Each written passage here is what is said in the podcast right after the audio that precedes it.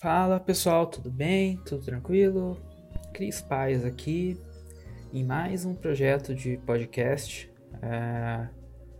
Esse hoje é, eu acho que, é o quarto projeto que eu tenho de podcast e, enfim, eu considero que todos foram um sucesso, foram um sucesso bem legal.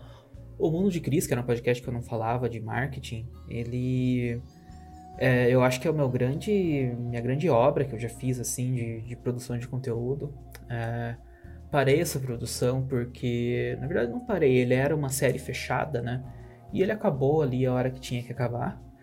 Uh, tinha um podcast Comunica. O Comunica eu acho que ele durou muito tempo enquanto foi, foi legal ali. Eu acho que ele estendeu mais tempo do que ele deveria. Então eu preciso de usar marcas novas, criar coisas novas. E o Comunica era um negócio que ficou muito na minha, na minha história, mas ele passou, né? Passou. Enfim, a gente vai lançar agora o podcast do Escritório de Criatividade. Vai ser um negócio tudo produzidão, vai ser tipo com, com vai ser em estúdio mesmo, enfim, vai ser outra, outra, outra parada, assim, né? Outra parada que eu tô acostumado a produzir com podcast. Tô acostumado a produzir podcast na minha casa. E eu tô lançando agora esse aqui é, uma. pra tentar fazer de um jeito mais prático e seguir minha produção de conteúdo, sabe? Eu tava pensando ah, vou fazer uma série de lives, vou fazer isso, gravar vídeo, aquilo. Mas eu acredito que esse formato de podcast é o mais meu, sabe? É mais o meu formato, é mais onde eu gosto de produzir. E eu acho que nesses últimos meses eu parei um pouco de escutar podcast. Escutei só o GugaCast, que agora não tem mais, né? E algum outro podcast aqui, ali, algum Nerdcast ali, ali. E eu tava com pouca referência. E eu caí num podcast esses dias da Maite Carvalho. E, cara, é uma profissional muito foda, assim, tudo que ela faz, ela fala super bem, enfim, já pesquisei muito sobre a carreira dela depois que eu achei esse podcast. E eu gostei do formato, sabe? Eu gostei, é um formato curto, é duas vezes por semana, mas é feito de maneira curta, é uma produção simples. Eu falei, cara, eu acho que esse formato encaixa mais comigo do que eu pegar e, puta, vou fazer uma produção grande de vídeo, fazer isso, aquilo. Eu gosto mais desse formato aqui. E estou gravando aqui, estou vendo como é que vai ser. A ideia é que seja duas vezes por semana. E bora lá, bora lá que eu acredito que vai ser, vai ser bem legal. Vão ser episódios curtos. Uh, a ideia é que não fique, que eu não fique enrolando muito para gravar e que Seja aquele negócio assim, tipo, putz, eu tô no Uber, eu vou escutar enquanto eu tô no Uber, eu tô no ônibus, eu vou escutar no ônibus, eu vou escutar enquanto eu vou sair correr, sabe? Não é nada assim, puta, eu vou ficar uma hora escutando o Cris falar que eu não, eu não consegui produzir podcast grande assim, né? Mas, enfim, eu acho que pode ser, pode ser bacana, pode ser legal. Quem me acompanha aí nas redes, tá vendo que eu tô numa fase muito branding, assim, sabe? Que foi o que eu sempre estudei, né? Eu sempre fui um cara muito multidisciplinar no marketing, né? Eu sempre fiz tudo. Eu fiz tudo na publicidade. Se precisar criar, eu crio, eu sou diretor de criação. Se precisar é, ir para ir pra criação mesmo, eu, eu crio. Se precisar dirigir, eu dirijo. Se precisar planejar, eu planejo. Eu consigo atender, eu consigo vender, eu consigo escrever. Sim, mídia eu consigo tirar de letra. Então, assim, coordenação de marketing eu já, já fiz, eh, eu sou gestor, eu já fiz financeiro, eu já fiz tudo, assim, sabe? Então, às vezes eu me perco nessa ali, tipo, qual que é a minha área? Então, por muito tempo eu imaginei que eu era diretor de, de planejamento e eu sou diretor de planejamento. Acabei de fazer um curso de estratégia de, de marketing na Red Hook. E, mas eu, eu, acho que eu me achei muito mais na função de diretor de criação nesses últimos anos. Assim, eu peguei, eu acho que eu, eu tava tentando fugir da criação, assim, de tipo, eu não sou um criador, eu sou um estratégico, né? Mas eu acredito que eu sou um diretor de criação, não tem como fugir, e, a direção de criação ela também necessita do estratégico, né? Então, é uma função completamente estratégica, porque a criação é o principal produto que uma agência vende, né? Então, eu abracei de volta isso, mas eu acho que eu fui pegando assim, o que, que eu faço de verdade? O meu trabalho, com tudo isso, com tudo isso que eu faço, é de construir marcas. Eu construo marcas fortes. Eu tenho capacidade de pegar uma marca que já existe e fortalecer ela através de conteúdo, através de campanhas, através de estratégias, enfim. Eu construo marcas. Esse, esse é meu trabalho. Então eu estou indo mais para essa linha no meu conteúdo pessoal de branding, dentro da agência também a gente está para lançar alguns produtos exclusivos de branding que não existem no mercado AgroSense. Então, o mercado AgroSense, por mais que tenha alguns bureaus de branding aqui, empresas focadas nisso, eu acho que elas não fazem esse trabalho completo que eu vou trazer dentro do branding, dentro da agência de identidade verbal e algumas outras coisas estratégicas que necessariamente você não precisa nem produzir a logo com a gente. Na verdade, sim, a gente se você tiver a logo já é melhor, porque a gente consegue empacotar isso de uma maneira legal. Lógico que se ela não tiver tudo cagado, né? Mas a gente consegue empacotar ela de uma maneira melhor, construir um branding da tua empresa, um branding de verdade estratégico. Então, eu eu tô focando muito, tô estudando muito branding, e uma das áreas que eu mais estou gostando, assim, e tô. Uma das áreas não, uma das ferramentas que eu mais estou achando legal, assim, e tô vendo que pode dar um. que pode dar um resultado bem bacana para uma empresa é os arquétipos. Eu já conheci esse conceito de arquétipos há muito tempo. Há muito tempo ali, tipo, eu, eu sempre ouvi falar, e às vezes algum cliente ou outro falava, só que eu não dava muita bola para isso. Eu falava, ah, isso aqui é, é, é, coisa de professor passar em aula, isso aqui não se aplica no mercado. Eu sempre fui um cara muito prático, sabe? Então, se pegava aqueles planejamentos imensos de 30, 40 páginas, eu falei, cara, isso aqui ninguém lê, isso aqui ninguém usa. No dia a dia do marketing, as coisas são muito mais diretas, então eu sempre busquei modelos ágeis de gestão, de, de planejamento de marketing, enfim. E eu achava que isso aqui era um negócio só para encher linguiça. Eu achava que era um negócio só para só pra só para vender curso, enfim, eu achava que não tinha nada a ver isso. Até que ano passado eu fiz um curso do Share, do Clube Share. O Rafa, eu sei que o Rafa tá escutando aí. É... Vamos lá, vamos lá. E eu fiz um curso com a Tanise, com a Tanise Gomes, e eu fiquei louco por essa teoria dos arquétipos, porque eu falei, cara, como é prático, como é simples, como bate, sabe? E como eu, eu, quando eu tenho que fazer um planejamento, eu preciso que as coisas sejam agilizadas, eu preciso eu preciso que esse planejamento seja concretizado por uma empresa que vai me pagar horas e horas de trabalho, que eu tenho que fazer um planejamento mais profundo, mas a empresa que eu vai entrar para fazer social comigo de dois posts por semana, sabe?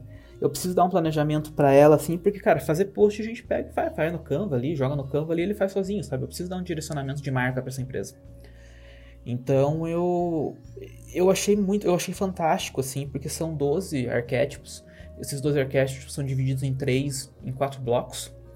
E nisso aí eu consigo dar uma profundidade para a voz de marca que é muito grande de uma maneira simples. Então assim, esses 12 eles têm a divisão deles ali, o herói, o fora da lei, o, o bobo da corte, o cara comum, enfim, são 12 arquétipos que eu não vou ficar listando ali, joga no Google que ele aparece ali, os 12.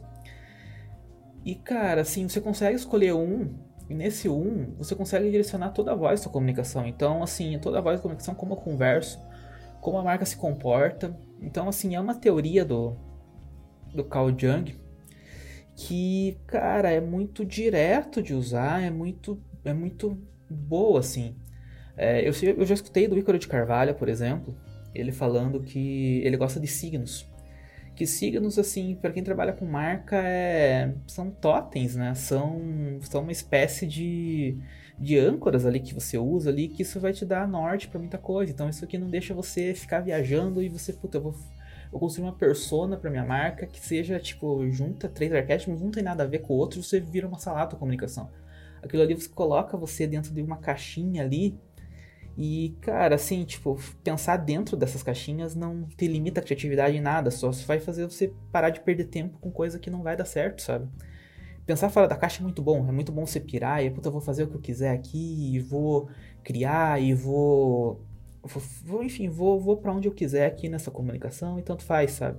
Porque eu não posso limitar minha criatividade perante ao mercado, sabe? Eu preciso criar e isso não pode ser uma limitação, porque quem pensa dentro da caixa é, não consegue potencializar toda a sua criatividade.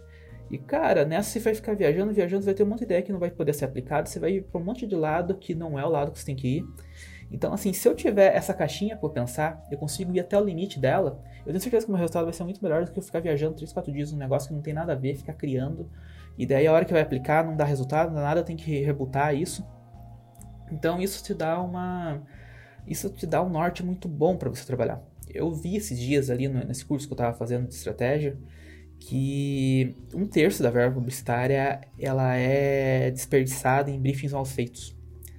E é muito isso, tipo, às vezes o briefing tá vago, a criação viaja para um monte de coisa e não é aquilo, sabe? Não é aquele público, então assim, às vezes até tipo a, a agência consegue perceber isso antes e puta, perdeu o tempo de trabalho, é prejuízo para a agência. Muitas vezes não percebe, muitas vezes percebe, cara, tem que ir alguma coisa e vai. Então, assim, é, esses briefings não feitos é deixar eles muito abertos, sabe? De volta, lógico que você tem que dar margem para criação, criar e não ficar impondo o que ela tem que fazer. A gente tem alguns clientes, por exemplo, que isso acontece. Eles limitam muito a criatividade e, cara, você vai ver as campanhas deles, sai sempre a mesma coisa, sabe? Tipo, olha que compre, compre isso aqui, olha que produtão bonito aqui, olha, bonitão isso aqui, ó, compre isso aqui, ó. Ó, esse aqui é, esse aqui é legal, compre. Cara, isso não vende, sabe? Isso não vende hoje em dia. Você precisa criar uma conexão com o teu público. Você precisa dar uma voz pro teu produto que seja verdadeira, sabe? Precisa saber como conversar com esse público. Se você não criar essa conexão, cara, se você não criar essa, essa uma comunicação clara e direta e autêntica, eu bato muito essa palavra autêntica, cara, faz tabloide, faz tabloide, mostra o seu produto, não perca tempo criando um layout diferente, um, ou criando, querendo colocar copies ali que não vão levar a lugar nenhum, cara, cria um tabloide e fala, compra isso aqui, e é isso aí, sabe?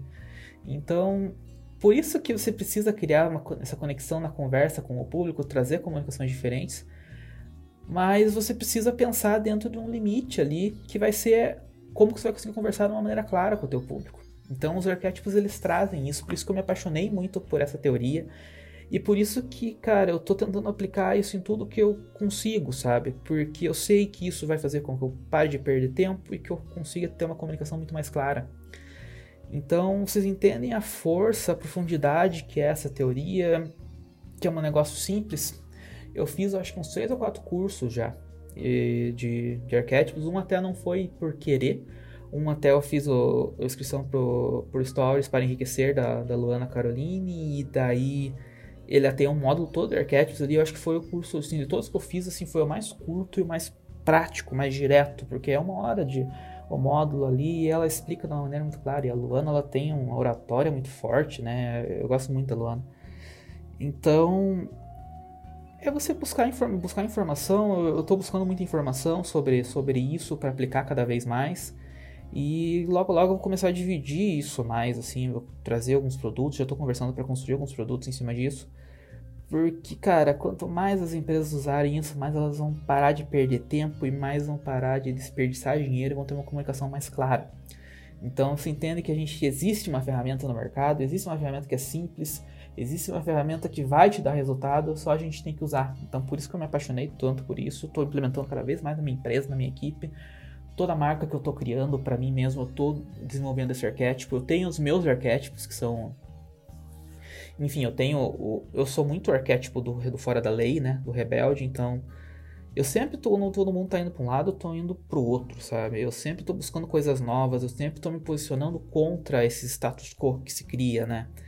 Então, você vê toda na minha comunicação, tipo, eu sou totalmente contra esses gurus de marketing, eu tenho, tenho ódio deles, tenho raiva desses gurus de marketing que prometem resultados sem trabalhar. Então, cara, comigo, assim, vai ter que trabalhar, vai ter que estudar, o resultado é curto e muitas vezes eu já perdi muito cliente por causa disso, porque agências foram lá, prometeram o mundo para o cliente que não vão cumprir, sabe? E eu sempre fui pé no chão, cara, eu vou cumprir o que o que eu, o que eu prometi, eu vou cumprir. Então, é, eu sempre fugi muito disso, assim, desse, desses gurus de marketing. Então, esses são, digamos assim, eu sou fora da lei de, de, de, desses caras, né? Eu também sou o arquétipo do criador, né? Então, assim, eu sou muito Steve Jobs, né? Que, sim, tenho muita ideia é, e eu tenho ideia o tempo inteiro, e eu tenho projeto o tempo inteiro, então sempre vai ver, eu estou com um projeto novo, uma coisa ali, outra ali. Eu sempre penso em eventos novos para clientes, então eu sempre, tipo, quando a comunicação do cliente está numa linha assim, está encaixadinha, eu sempre vou o cara que vou vir com uma ideia nova, tipo, algo para potencializar aquilo ali, sabe? Então às vezes a ideia vem do nada, então eu sou, eu sou esse cara dos projetos, né? E eu estou trabalhando muito cada vez na imagem para ter esse arquétipo do governador. Então, dentro da minha empresa eu tenho muito isso, eu, eu tenho que ser às vezes o cara que impõe, às vezes eu tenho que ser o cara que governa, que vai para uma linha. E cada vez mais eu trabalho isso na minha imagem também. Então, eu sempre brinco assim que as pessoas às vezes acham que eu sou muito mais calmo do que eu sou e que eu sou muito mais bonzinho do que sou muito mais brabo do que efetivamente eu sou, né? Então eu sou um cara completamente tranquilo, assim, mas eu sou. É, quando tenho que ser firme, eu sou firme. Então eu sou um cara introvertido, mas assim, quando tenho que me posicionar, eu sou muito forte nesse posicionamento. Então é, eu falo pouco, mas quando tenho que falar, eu sou firme. Então esses são os meus três arquétipos, assim. E cara, é, lógico que tem um arquétipo que é o principal, que eu dou fora da lei. Esse é o meu, digamos assim, a minha imagem hoje está muito nele. Mas é, tem muita. Tem, enfim, quando a gente vai trabalhar com marcas ali, você pode escolher dois ou três, você vai ter o, o teu principal que vai te guiar muito, mas você vai ter momentos que você tem que ser outros arquétipos, né? Então, cara, você vai construir a, a comunicação da tua marca ou da marca da tua empresa, você tem, você tem uma série de, de ferramentas ali, artifícios que os arquétipos dão. Então, por isso que eu sou muito apaixonado por isso. Enfim, logo eu vou trazer mais conteúdo, acho que eu vou falar mais sobre os arquétipos aqui no, no podcast. E, enfim, eu acho que pode ser um negócio bem, bem legal, assim, eu estou estudando muito isso e eu vou compartilhar mais isso aqui. Então é isso aí, galera. O, o formato podcast é esse. Ele é um negócio mais curto, mais direto. Eu vou trazer um insight aqui. Ele vai ser de 15 a 20 minutos sempre. E é isso aí. Eu vou tentar fazer dois formatos dele, um, um, que eu responda, um que seja esse episódio principal e um que seja a resposta de perguntas. Mas vai ser sempre, digamos assim, essa, essa qualidade, esse formato, né? Eu vou sempre gravar no meu celular, porque a minha ideia, às vezes, putz, eu saí de um evento, eu tô num evento lá, eu tô em São Paulo num evento, cara. Eu vou, eu, se eu for gravar um episódio, eu vou ter que, se for gravar na minha casa, eu ter que esperar eu chegar em casa, montar minha mesa de som, tudo. E eu quero fazer, tipo, puta, cheguei no hotel, eu já gravo, sabe? Eu tenho uma ideia, eu já gravo, sabe? Então, esse negócio mais fluido, mais direto, enfim. Eu quero fazer um negócio assim porque eu acho que vai ser legal. Enfim, tomara que vocês gostem, mas estou aí, estou animado para esse novo projeto. Eu acabei de voltar do mercado e falei, cara, eu vou colocar isso no ar, eu vou gravar agora, porque senão vai passar e, é mais um projeto que fica. Então, beleza, é isso aí, pessoal. Fiquem bem. Qualquer coisa, o Chris tá aí. Qualquer coisa é só gritar aqui, me chama no inbox, vamos conversar. Enfim, sigam minhas redes aí, eu, Cris Paz, e bora lá. Valeu, pessoal. Até mais.